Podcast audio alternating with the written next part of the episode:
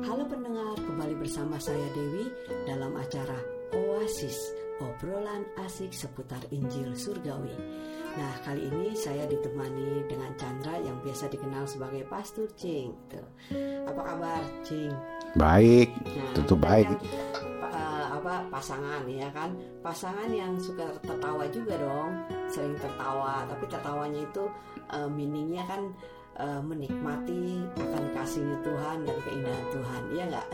Ya, itu yang bikin ketawa. Ada yang dibikin-bikin ketawa tapi sedih kan nggak bisa. Tapi yang kalau senang ya bisa bisa Pasti bikin ketawa. kan ya. Nah, karena kita tahu bahwa kalau kalau ketawa itu katanya itu lebih eh, apa meni- menikmati hidup ini bisa lebih cepat bukannya cepet tua tapi tambah muda kata kita kan maunya terus-terus begitu. Iya, orang ketawa itu dibilang seperti kayak orang berpesta senantiasa. Nah, ini di Alkitab ada juga pasangan yang suka tertawa, bukannya suka tertawa sih. Eh, lucunya eh, pasangan ini eh, ketawanya ketika dia itu eh, menerima janji Tuhan. Nah, saya nggak tahu dah itu artinya tertawanya dia itu seperti apa gitu. Dia adalah Abraham dan Sarah. Nah, kita kan dulu dengarnya cuma si Sarah aja yang suka ketawa kan. Tapi sebenarnya eh, ternyata Abraham juga tertawa waktu mendengar janjinya Tuhan gitu loh di dalam kejadian. Dikatakan gini ya, lalu tertunduklah Abraham dan tertawa serta berkata dalam hatinya, mungkinkah bagi seorang yang berumur 100 tahun dilahirkan seorang anak gitu. Nah, ini si Bapak Abraham itu tertawa gitu kan menerima janji Tuhan. Gimana menurut kamu? Karena kan kalau na- namanya menerima, apalagi janjinya dari Tuhan, kita menerima janji dari seorang yang eh, punya prestasi yang luar biasa, yang kenal sama kita aja, kita udah terkagum dan pasti percaya banget kan? Iya nggak? Menurut Iya. kamu gimana tuh? Iya, kalau kita lihat dia itu ya tertawa. Ini ya masih baik dia bisa tertawa ya, Eh, walaupun sebenarnya dia berpikir udah nggak mungkin kan. Eh, ada orang udah marah, apalagi yang ditunggu-tunggu itu kan sepertinya lama sekali belum jadi-jadi kan. Marah, Oh,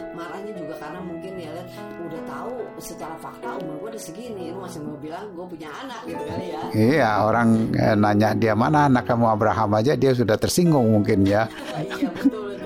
Bisa ketawa itu kan luar biasa dia kan eh, dalam hal ini dan kita tahu bahwa sebenarnya ya secara manusia ya eh, lumrah aja dia nggak bisa melihat ya bahwa it- yang dijanjikan itu eh, tidak ada dasar sama sekali bisa terjadi. Dia sudah tua dan istrinya pun sudah nggak mungkin lagi bisa melahirkan secara manusianya kan? Eh, tapi dia eh, nggak ngelihat sebatas itu ya Eh, secara fisiknya secara batasan itu. Tuhan kan ingin mm, dia itu melihatnya eh, kepada dia yang melampaui yang sanggup eh, melakukannya melampaui daripada batasan-batasan yang dia pikirkan Nah, itu juga sebenarnya kita di dalam Kristus itu sering kali membatasi pikiran kita sejauh kita. Fisik kita gitu. Iya, jauh fisik kita. Padahal kita kan secara fisik kan sudah jatuh, lemah gitu kan.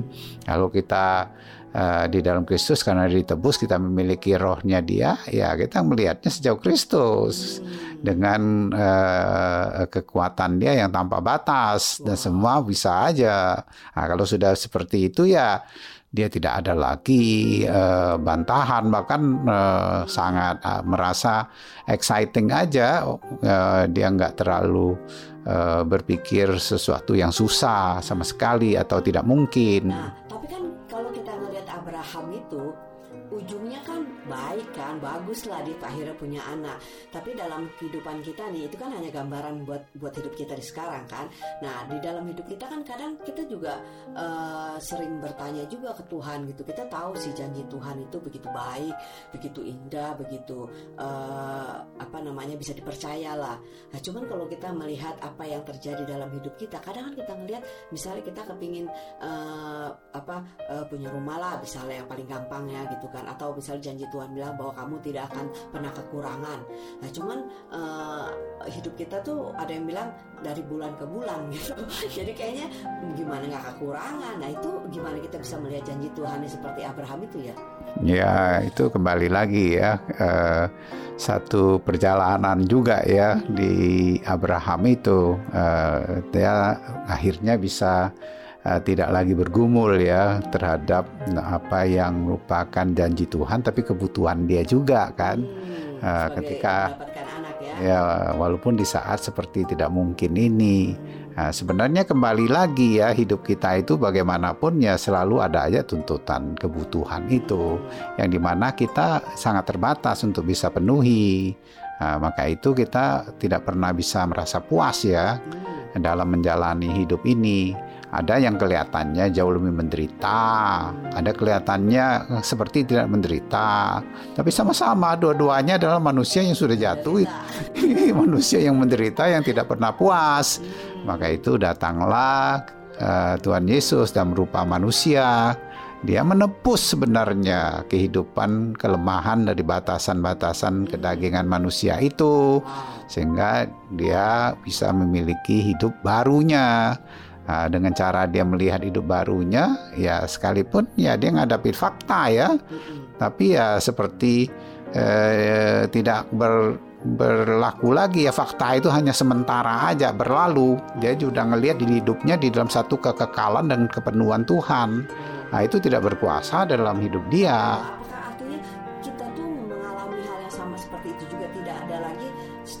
Faktanya itu bisa efek ke hidup kita begitu? Iya, secara faktanya itu ada, efeknya atau ada, tapi dia cepat, tapi jauh lebih besar. Misalnya ada, you butuh duit eh, satu juta, ya kan, you nggak ada di kantong kamu, tapi duit kamu ada uh, 10 triliun di bank, emangnya you panik? Iya, sama halnya itu, tapi ini berbicara satu kehidupan kan Nah, kehidupan di manusia kita menghadapi kebutuhan-kebutuhan daging dan juga dunia punya permasalahan ya sangat terbatas. Kita ada di bawah tekanan, tapi kalau hidupnya itu eh, Tuhan dalam hidup kita, ya jauh lebih besar, ya, sehingga kita bisa jalanin eh, dengan kekuatan Dia, ya. Dan eh, tentunya yang kita inginkan itu udah nggak jadi permasalahan yang ke mana Tuhan, mengapa Tuhan, bagaimana Tuhan, nggak ada uh, seperti itu, tapi ada aja uh, satu kepenuhan daripada Dia yang kita bisa rasakan dalam sukacitanya, dalam damainya yang mengalir. Nah itulah yang dinamakan hidup baru kita setelah penebusan Kristus uh, bagi kita kan? Iya, karena bagaimanapun kita ini kan manusia yang kehilangan hidup Tuhan ya Jadi secara lahir ya nggak bisa sebelumnya janji Tuhan gitu ya walaupun janji Tuhan seberapa bagusnya nggak bisa nggak bisa lihat dan tidak bisa percaya karena hidup kita itu nggak ada Tuhan ya tapi uh, waktu kita uh, diingatkan hmm. ada Kristus yang hidup dalam hidup kita itu kan uh, kita percaya kita seperti uh, eh, apa ya mendapatkan janji kabar baik ini oh, melampaui misalnya hari ini eh, ada satu raja bilang gua jadi angkat kamu jadi anak dah hmm. Nah, kita udah nggak ada permasalahan dari batasan-batasan kebutuhan fisik yang kita pikirkan kan yes. kalau kita uh, dulu nggak punya rumah, nggak punya kerjaan atau apa. Nah, itu kan cuma gambaran kecil, sedangkan di Kristus tuh gambaran satu kehidupan dalam satu kekekalan, sehingga ringan-ringan aja. Dengan apa yang uh, apa terjadi dalam hidup ini ya, walaupun itu sebatas fakta yang benar uh, yang ada dalam hidup kita, tapi kita tidak hidup dengan fakta yang selalu ada dalam hidup kita kan? Iya, karena uh, uh, fakta itu ya betul. Ada, misalnya anak kecil ya kan? Dia faktanya butuh makan nggak? Butuh. Uh, tapi kalau dia ngelihatnya nggak ada bapaknya dia usahakan secara pribadi setengah mati ya kan? Iya. terbatas. Tapi kalau dia ada bapaknya dia mikir juga nggak. Dia nggak bisa kepikir karena terlalu besar.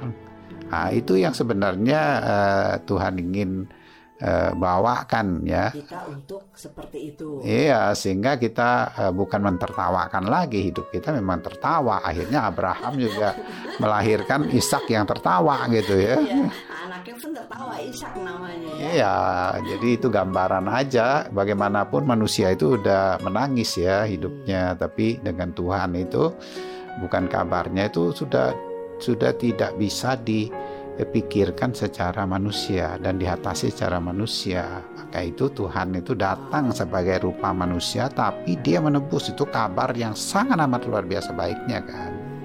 Karena dia tahu kita sebagai manusia eh, biasa ini tidak akan mungkin bisa menjalani hidup eh, di dunia ini tanpa Tuhan ya. Karena keterbatasan daripada pemikiran dan hidup kita yang sudah jatuh di dalam dosa kan. Iya, eh, kita eh, bisa aja jalanin hidup ini tapi kan di dikungkung dosa dan kematian. Hmm, itu dia. Iya, tapi kalau di dalam Kristus dia ada jadikan kita baru sejauh hidup dia yang adalah kebenaran dan satu kemerdekaan Wow. dalam hidup ini sehingga ada satu kekekalan.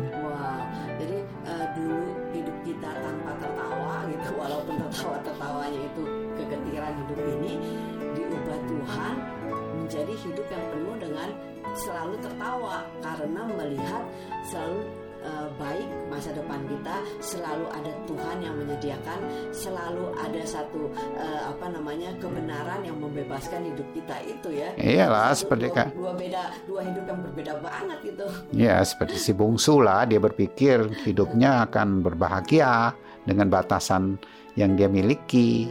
Ya sesudah dia jalanin ternyata dia sengsara sekali. Hmm. Tapi dia balik kan, Nah, akhirnya dijadikan ada pesta, ya ketawalah dia. Nah masalahnya kadang kita nggak berasa bahwa bahwa eh, kita itu eh, tidak mampu kalau hidup eh, tanpa Tuhan. Ya itulah eh, yang perlu ada satu Sehingga kita pencerahan. berusaha untuk mengubah fakta yang ada, gitu kan? Dengan dengan diri kita. Nah itu gimana kita bisa eh, kembali lagi melihat seperti Abraham akhirnya percaya banget bahwa hanya Tuhan yang bisa memberikan anaknya. Nah kita juga bagaimana bisa mem- mempunyai pemikiran seperti Abraham itu hanya Tuhan yang bisa memenuhi kehidupan kita. Iya, Abraham awalnya juga ya kita lihat dia ada perjanji Tuhan semangat juga, cuma tunggu kok nggak bisa. Akhirnya dia pikir eh, harus pakai dengan kekuatan dia. Sebenarnya bukan masalah janjinya nggak bisa ya, tapi eh, untuk lepas daripada kekuatan jasmani ini eh, dibutuhkan ya penyadaran kepada Roh Tuhan itu yang hidup dalam hidup kita. Ya, itu yang kita eh, ngelihat di Kristus. Maka itu eh, se- sebelum manusia menyadari eh, dia butuh eh, penyelamat, kan dia harus tahu bahwa dia nggak bisa. Dia secara manusia sih nggak bisa. Nah, maka itu eh, dia butuh ah, dalam hal ini Kristus sehingga ada Roh Tuhan tinggal di dalam hidupnya.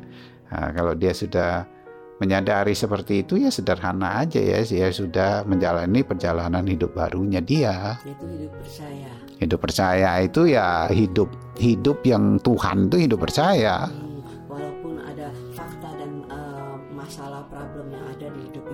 Iya, problem itu kan sementara yuk lihat di sini. Yuk lihatnya problem. Tapi kalau ngelihat di Tuhan tuh ya dia nggak ada dia udah dia eh, atas segalanya ini sudah ditebus, diselesaikan. Tapi kalau ketika yuk ngelihat eh, percaya kepada dia dan yuk ada di di kekekalan dianya atau di karya dia atau atau eh, roh kebangkitan dia, Nah, itu tidak ganggu kamu karena itu pasti berlalu dalam perjalanannya apa pun bentuknya, tapi karena kamu sudah di situ. Walaupun eh, kelihatan secara faktanya seperti ini, tapi ke- ke- kenyataan dalam roh kita ngelihatnya sudah eh, sempurna di dalam satu kekekalan, sehingga ya nggak nggak perlu di fight pun, nggak perlu diperangin pun dia berlalu. Wow, itu, tapi dia tetap percaya dan tidak goyah lagi dikatakannya karena Hmm. dia melihat uh, pada Tuhan yang mampu untuk melakukannya bukan dirinya dia gitu. Hmm. Wah, ini luar biasa satu uh, satu apa uh, pemikiran dan kebenaran yang memerdekakan hidup kita ya. Yang kadang kita berpikir uh, fakta apa pun juga bisa kita lakukan atau bisa kita ubah uh, asal kita mau. Nah, sekuat-kuatnya kemauan kita pun sebenarnya itu tidak akan bisa membantu kita ya. Hanya Tuhan itu ya. Ya, itu akan berbeda ketika kamu ngelihat di roh Tuhannya. Ya, dia dia sudah sejauh Kristus demikianlah kita ya kita ngukurnya udah nggak sejauh fakta yang ada tapi itu mengubah fakta yang ada sehingga kita nggak hidup dari batasan-batasan manusia kita dengan fakta yang ada tapi di dalam batasan hidup dia dalam satu uh, kekekalan ini sehingga kita nggak berpikir dia nggak akan penuhi kita dia nggak akan pen, uh, uh, kadang-kadang mau atau enggak enggak lagi Nah, kita jauh lebih bisa berkuasa Wow. atas situasi kondisi yang ada. Wah, itu namanya kita hidup melampaui eh, jauh melampaui dari kehidupan manusia biasa. Ya itulah namanya Injil kabar baik ya. Ya, lebih baik yang terbaik yang bisa eh, dipikirkan. Amin. Wah, kita nih wah, saya masih ada pertanyaan sih, cuman karena waktunya sudah eh, habis, jadi kita harus tutup eh, acara Oasis ini. Mungkin sih kamu bisa berdoa untuk para pendengar setia Oasis kita. Oke. Bapak kami bersyukur di dalam diskusi kami ini Kau ya Tuhan membukakan mata hati kami eh, untuk mengerti ya Tuhan akan kasih-Mu, karya-Mu, kuasa-Mu ya Tuhan. Apa pun bentuk eh, eh, pergumulan, kebutuhan Kau jauh lebih tahu ya Tuhan. Dan bahkan Kau telah mengirimkan eh, anakmu dirimu sendiri ya Tuhan untuk menebus ya Tuhan setiap eh, permasalahan setiap kebutuhan kami sehingga kami boleh bisa memiliki eh, kehidupanmu segala kebutuhan yang kami ingini kau telah penuhi dan di dalam kepenuhanmu ya Tuhan di dalam karyamu ya Tuhan kami boleh hidup dan percaya kepadamu ya Bapa. Terima kasih dalam nama Tuhan Yesus Kristus kami berdoa amin Amin. Baik para pendengar eh, Oasis, jika masih ada pertanyaan atau ingin didoakan, bisa langsung menghubungi kami di dalam nomor WA 818 0748 8489. Sekali lagi 0818 0748 8489. Baik pendengar setia Oasis, sampai berjumpa di episode berikutnya. Tuhan memberkati.